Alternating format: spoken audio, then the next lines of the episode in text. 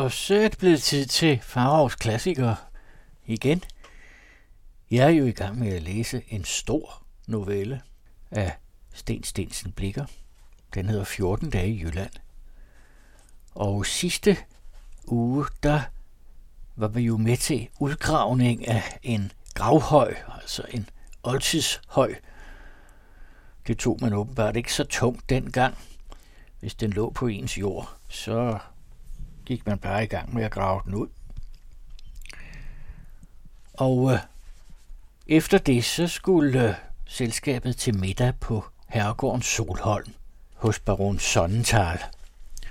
Og det er jo ham, der faktisk lægger an på pigen Therese, der er købmandsdatter fra Viborg, og som vores fortæller fra Nordstjerne også er blevet indtaget i, så der er lagt op til konflikt mellem to rivaler. Nå, men i fjerde kapitel, der skal vi til Solholm, altså til øh, middag der. Denne gård ligger som de fleste gamle i Danmark lavt og på en sumpig grund, for ej at mangle vand i de omgivende grave. Den er anlagt midt i en engdal, men bakkerne på østre og vestre side er så høje, at man endnu på en fjering mils afstand ikke ser andet af Solholm end trænde tårnspir, hvor det midterste er lidt højere end de andre. De har en pyramidalsk form, og bønderne kalder dem træffende nok Solholms tørveskruer. Tørveskruer, det er sådan en speciel form for høstakke. Set fra de vestlige bakker tager herresædet sig smukt ud.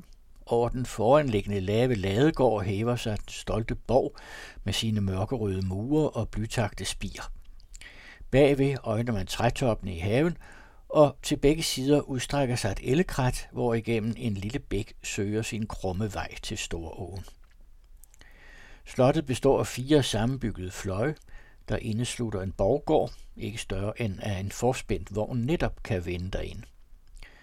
Udenom løber dobbelte grave, der til foran har været forsynet med vindelbroer. Man kender endnu tydeligt disse sted på det nyere murværk i broernes midterste buer.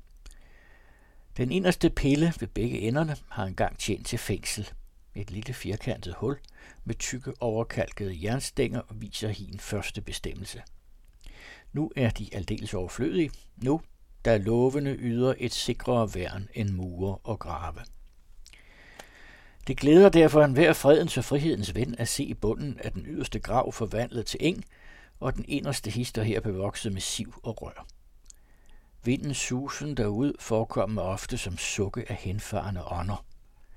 Deres som vandsmægtede i smådespoternes fængsler, eller disse, der endnu sørger over gamle dages forsvundne herlighed og ville. Svanerne, der ikke længere formår at udrydde den stedseskabende naturs vegetabilske frembringelser, synes mig som roligheds- og huslig lyksaligheds yndige symboler, når de med opløftede vinger glid eller af sagte luftninger omdreves på de vande, over hvilke fordums kampens pile vinte og stridstrompeten smældede. Slottets indre er for ukendt en ren labyrint. Snævre vindeltrapper fører fra et stokværk til et andet.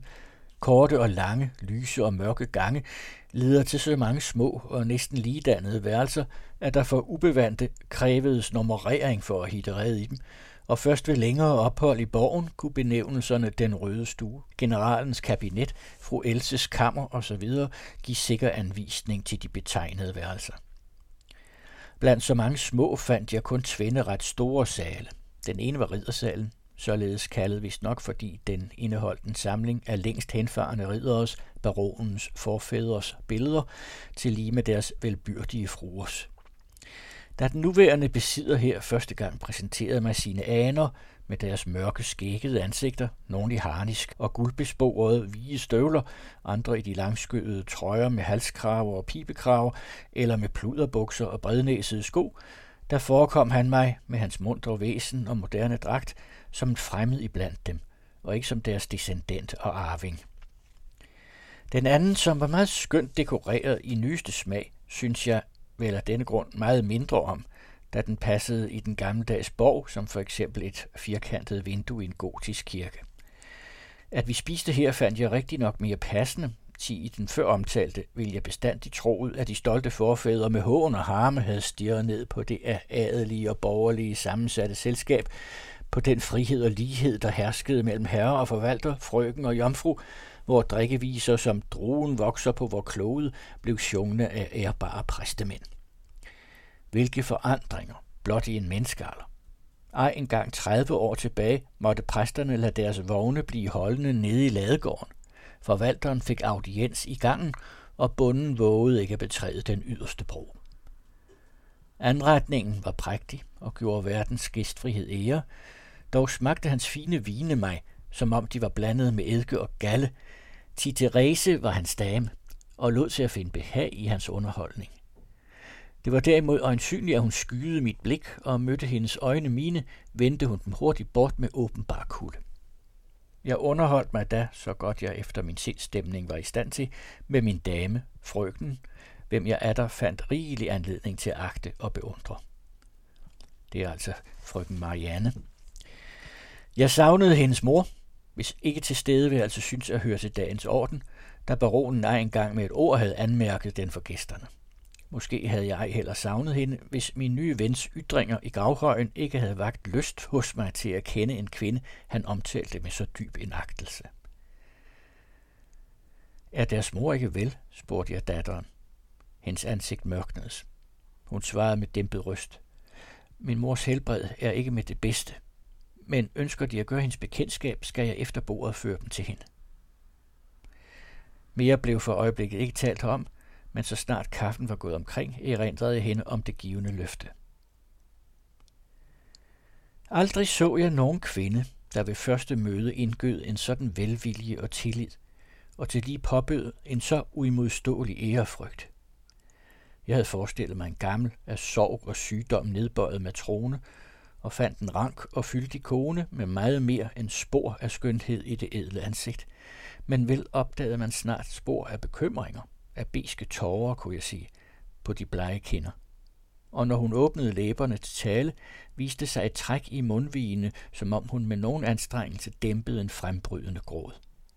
Dog kunne man ingenlunde tydeligt skelne, om denne mine var medfødt eller et minde fra søvnløse, hengrætte nætter. Den dejlige datter kyssede den endnu smukke moders hånd, som hun med begge sine førte til læberne, med en inderlighed, der straks indtog mig for hende. Vores samtale angik mest min familie, med hvilken hun i yngre dage havde været bekendt, og ellers ligegyldige genstande. Men den førtes fra hendes side på en måde, som røbede både den fineste verdenstone og til lige en højst uddannet ånd. Der undslap hende end ikke den letteste hentydning på hendes skæbne og forhold til baronen, der, om det end ej havde været verden bekendt, alligevel antydede sig ved hendes afsondring fra ham og hans selskaber. Når jeg i samtalens gang henvendte mig til datteren, mærkede jeg, at hun, ligesom forskende, betragtede mig, og da jeg ved afskeden, fuld af bødighed, kyssede hendes hånd, tilsmilte hun mig med en ret moderlig venlighed, og sagde i en tone, som viste, at hun mente det, det vil glæde mig at se dem oftere. Jeg bragte siden i erfaring, at det var skik på Solholm, at gæsterne efter bordet aflagde visit hos baronessen. Baronen kaldte dette kur, men nu første gang undrede det mig efterhånden her at se mine bordkammerater komme og gå. Den første, der efter mig ved kammerjomfruen lod sig melde, var præsten i Langebæk, hvem baronessen modtog høfligt, men koldt. Det var mig tydeligt, at hun over mandens særheder miskendte hans godeagtværdige egenskaber. Selv har han følt dette, til gengældende en ubillighed med en anden, mumlede han i bortgang. Rar dame, men øh, stolt, stolt. Hun hørte det og smilte næsten umærkeligt. Efter ham, nær ved at støde ham tilbage i døren, kom pastor Romsø, gløden af baronens søde vin. Hans holdning var stiv som hans konversation, til han havde kun nået den første grad af beruselse, i hvilken man endnu mærker sin tilstand, og for at skjule den, antager en langt større ærbarhed og stiver knæene mere end fornøden gøres. Hans hensigt lykkedes ham virkelig hos den med Baki mirakler så ubekendte dame. Hun troede, at han just var kommet ud fra en ordstrid.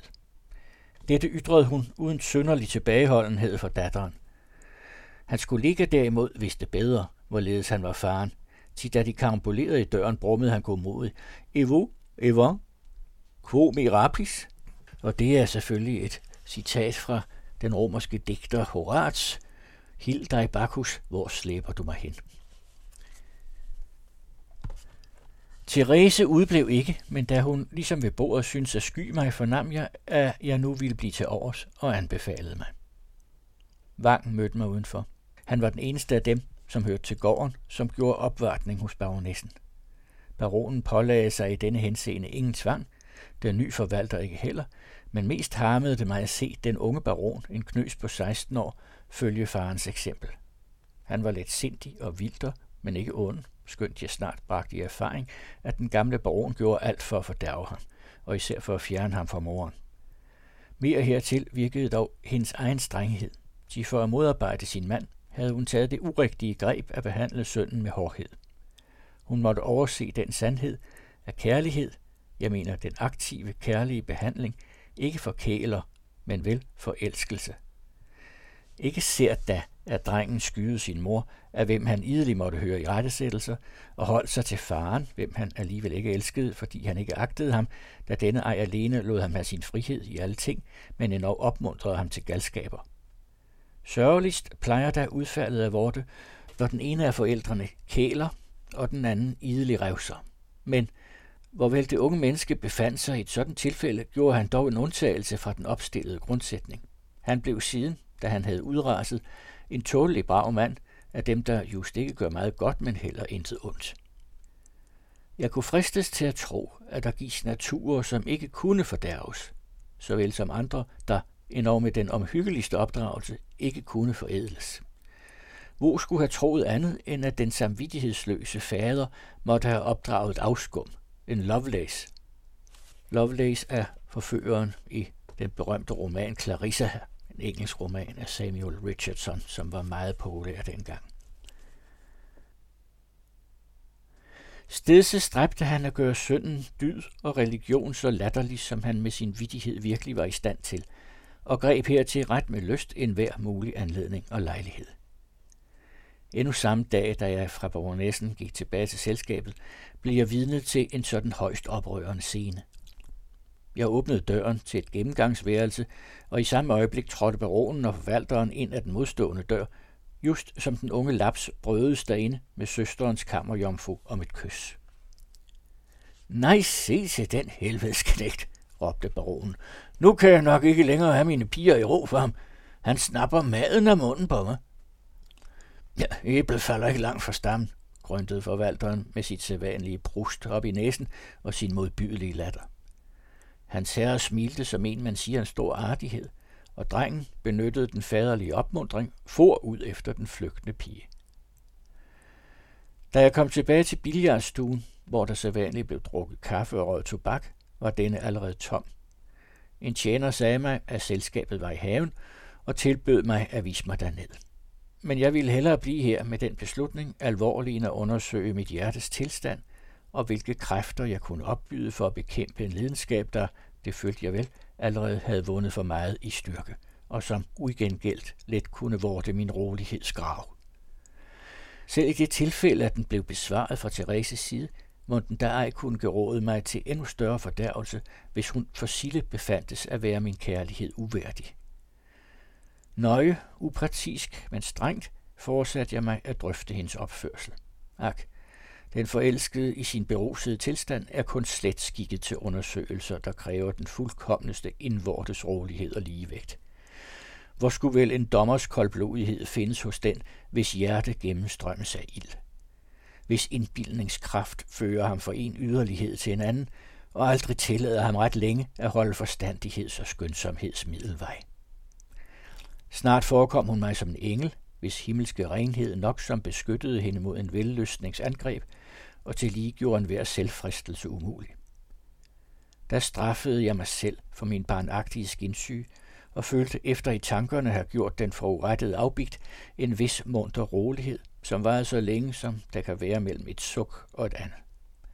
Til snart viskede en stemme inden i mig, hun er dog hverken mere eller mindre end en kvinde, en skabning, hvis navn det er, hvis natur er skrøbelighed, et lerkar, sammensmeltet af forfængelighed, falskhed og sanselighed.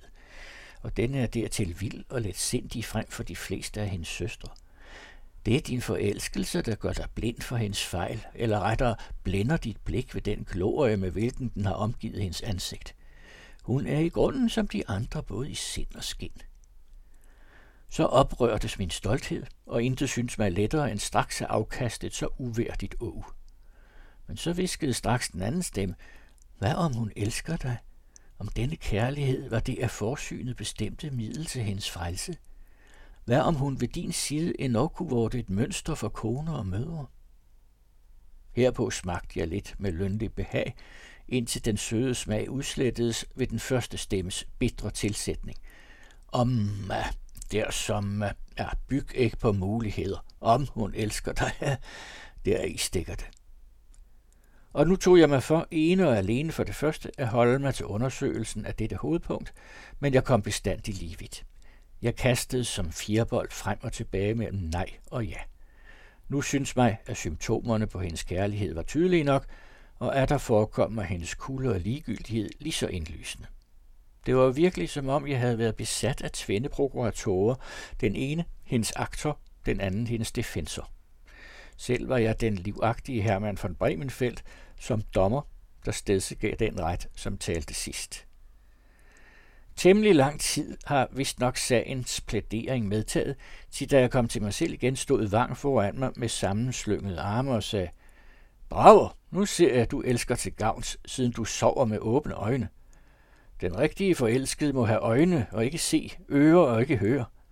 Her har jeg stået et halvt kvarter foran dig, uset og uhørt. Det glæder mig. Alt, hvad mennesket foretager sig, bør det gøre til gavns. Halvhed du aldrig, allermindst i kærlighed lidt fortrædelig, enten det nu var over at forstyrres i mine grublerier, eller fordi en så ung bekendt, der endnu ej kunne gøre fuld påstand på vennenavnet, så lige frem afslørede en hemmelighed, han selv på en gang havde pånødt mig og indtrængt sig i. Nok er det, at jeg fik det indfald ganske hensigtsløst at spørge ham. Jeg håber, at du selv altså er enten kold eller varm.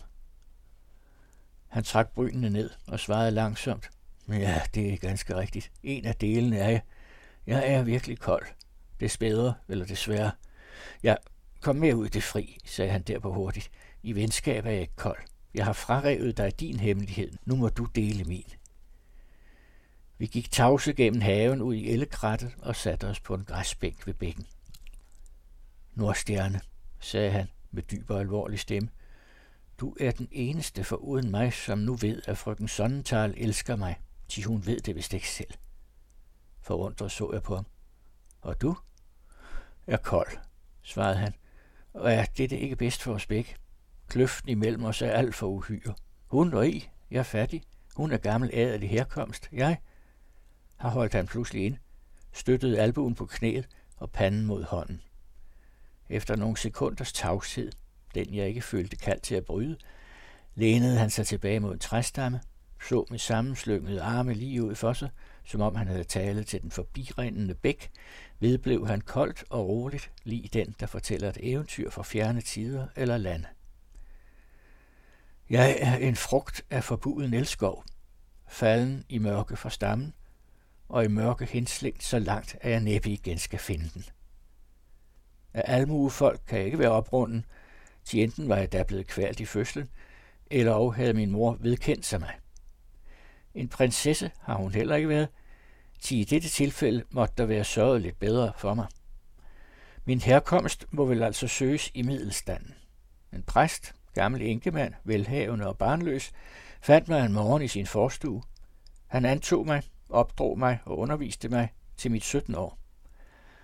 Da han havde dimitteret mig til universitetet og udstyret mig med klæder og de nødvendige penge, gik han derhen, hvor jeg håber, han har fundet lønnen for sin faderlige kærlighed – imod det faderløse hittebarn.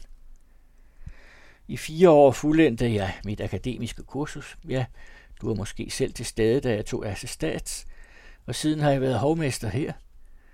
Du indser nu selv, at om jeg også elskede frygten, så kunne jeg ikke tænke på nogen forbindelse med hende. Du har ret, min ven, svarede jeg, men et må jeg oprigtigt sige dig. Når du vidste, at hun elskede dig, burde du så ikke for hendes roligheds skyld have forladt Solholm? Jeg har kun vidst det i tre dage, svarede han. Vel har det på nogen tid af til forekommen mig så. Dog agtede jeg ikke stort på disse tvivlsomme symptomer. sukke, farveskiften etc. etc., og mente, at den os mennesker medfødte enkærlighed let kunne forlede til at udtolke dem falske lin. Men uforvarende, ubemærket, kom jeg til at høre hendes bekendelse for den påtrængende veninde. Det forstår sig, Nordstjerne. Nu rejser jeg. Men hvorhen? Og under hvilket påskud? Det glædede mig at kunne tilbyde den edeltænkende ven lejlighed hos mig, til han enten fik en anden kondition eller kom i embedsvej. Baronen ville ikke være vanskelig at tilfredsstille, i flere gange havde han stiklet på sin hovmesters alt for moralske opdragelsessystem. Baronessen derimod agtede ham og mistede vist nok nød i en sådan mentor for hendes søn. Og frøkenen? Dog, hvad kan ikke fraværelse udrette med tidens hjælp? Længe varede vores samtale, til også Therese var genstand for samme, hvor vælger endnu hverken nåede overbevisning om hendes karakter, eller kom til nogen beslutning for fremtiden. Men vil anstændighed bød mig vende tilbage til selskabet og afbryde den venskabelige ordveksling, der var mig så behagelig, fordi den angik den fortryllende Therese, og fordi min modstander tapperlig en modsag en hver af mig opkastet tvivl om hendes uskyldighed. Den mundre larm i haven mindede os om at bryde op. Vi fandt de fleste forsamlet ved Fortuna-spillet. Det er dog et sandt ordsprog, råbte baronen os i møde, at alting klæder de smukke godt. Vil de bare se på Jomfru Dyber, hvor kajtet hun bærer sig ad. Og Fortuna er en slags kuglespil, sådan som vi spiller krokket i vore dage i haverne.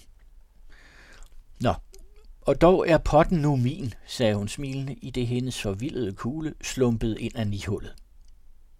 Ja, det var virkelig et lykkespil, sagde præsten i Langebæk, der som blot tilskuer sad på en bænk ved siden, og bærer med rette den velsignede gudindes navn og billede. Altså Fortuna. Hvor mange andre fejl hun end har, tog baronen ordet. Blind er hun ikke, det ser vi nu. Hun favoriserer ungdom og skønhed. Måske, svarede præsten, kommer den sidste gave også fra Fortunas hånd. Men se der igen. Var nu ikke den kugle sigtet lige på mellemhullet, men bliver kastet tilbage i sandet? Ja, det er ikke uretfærdigt. Ingen lunde, mente baronen. Den var alt for stærk. Ja, så kommer jo mine ord igen, at duelighed, kraft og mod udretter intet uden lykkens bistand. Men hvad betyder der ordsproget, herr pastor? Spurgte forvalteren, der slog den uheldige kugle. Lykken står den djerve bi. Ja, ordsproget er ikke så uhjemlet, faldt dommen. Når man ved den oprindelige betydning af djerv, der er det samme som næsvis, uforskammet, dumdristig. Folk af sådan karakter er som oftest fru Fortunas kæledækker. Derfor hedder det også, hvor som våger han vinder, nemlig våger uden ræson og Forvalteren prustede, men blev svaret skyldig. Baronen smilte, så hen til mig og gjorde en grimasse af forvalteren, som vendte ryggen til, i begreb med at kaste. Jeg antog baronens øjekast som opfordring til at deltage i samtalen.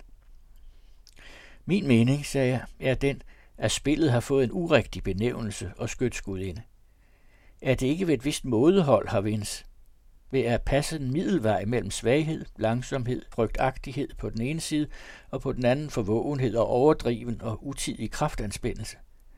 Dygtighed forenet med sindighed når jo sikrest målet. Det er ikke mere end billigt, at den, der løber storm til lykken, bliver tilbageslået, og at den svage og feje for sille eller aldeles ikke når sit med. Rem aku tetigisti, mumlede min præst. Og det er jo altså også latiner betyder, at du har truffet på den prik. Altså, sagde baronen Lene, kommer jeg vel til at give damen denne afsked. Men hvem sætter jeg i stedet? Middelmodighedens gudinde, sagde en pige med et dristigt åsyn, der nylig var kommet til. Middelmodighedens skønne jomfru, sagde Vang skødesløst, har ingen gudinde. Den behøver ingen. Den hjælper sig selv. For lidt og for meget fordærver alting. Verden, jeg mener de vældige i verden, er bedst tjent med middelmådige redskaber, som kunne udrette det, de skulle, hverken mere eller mindre. Deres middelmådighed er deres fortuna. Min præst tog sin pibe ud af munden og sagde, jeg er temmelig sikker på at gætte deres tekst. Lykken er de dårlige formønder, ikke sandt? Nå, så omtrent, svarede Vang. Kun i stedet for dårlige bør man sige de viljeløses. Deres, jeg omtalte, der ingen fast og sikker vilje have selv, men virker som blinde redskaber for andres. Da de ikke kunne undvære formønder, tykkes mig ej heller, man kan kalde dem dårlige, når de giver sig under lykkens formønderskab. Under denne samtale havde jeg, så hemmeligt jeg kunne, iagtaget begge veninderne. Frøknen spillede ikke med, men sad på en sidebænk, og Therese bestandig hos hende, undtagen når hun måtte frem og kaste. Hun smilte uforbeholdent af Vangs tale. Marianne derimod røbede, om ikke missag, så dog en slags uvilje, blandet med bekymring. Men selv gennem denne sky på hendes edle åsyn skimtede jeg blinket af kærlighedens lue. Vel trolig, at kun min vens meddelelse havde gjort mig så skarpsynet. Endnu var jeg ikke selv så forelsket, at jeg jo kunne føle ved fremmeds ulykke, og en beklagelig ulykke var vist nok frygtens kærlighed. Til rimeligvis ville den i så blødt og stille et hjerte slå dybe rødder. Og moren, hvem denne datter alene bandt til livet, når hun engang opdagede hendes håbløse lidenskab, har afbrudt sig i min mørke tankegang ved det råb. Havgusen! Det kom fra en af gæsterne, som ej havde deltaget i spillet, og nu ilede fra marken ind i haven for at varsko damerne. Spillet hævede straks, og alle søgte den nærmeste vej til hus, for bag tætte vægge at skærme sig mod havets skumle ånd, der indhyldet i tågen, far hurtigt og lumskeligt frem, udslyngende sine frygtelige pile, feber, gigt, tandpine, hoste og snue. Det er netop på de skønneste sommerdage havgusen kan ventes. Når alle vinde er til hvile, når ingen sky pletter den lyseblå æter, hvor solen stråler i sin enevældes glans og kalder selv naturen til glæde. Alle fugle synger deres mundreste sang, og alle blomster rejser højst deres fagre hoveder. Græsgangene klæder sig i det lyseste grønt, og kornmarkerne lover sædemanden en frodig høst. Der viser sig i kimingen mod nordvest en mørkeblå bænk, der snart udbreder sig til begge sider. Den hæver sig ikke højt som skyen, men sniger sig lavt hen med jorden, lige høen, når han har udspejtet et bytte.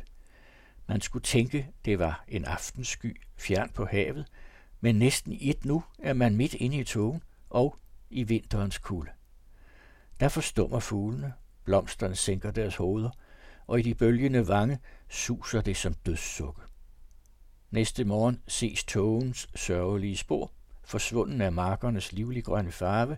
Hele naturen har fået et gammelt og skræntende udseende. Sommerens skønhed er falmet. De gustne vange minder om en tidlig og karig høst. Ulykkelig kærlighed af hjertets havgus. Ja, ja. Og ulykkelig kærlighed, det er jo nok, hvad han føler lige nu og hvad Marianne føler i forhold til Vang. Næste kapitel hedder Bundegildet, og det får I i næste uge. Du lytter til den anden radio.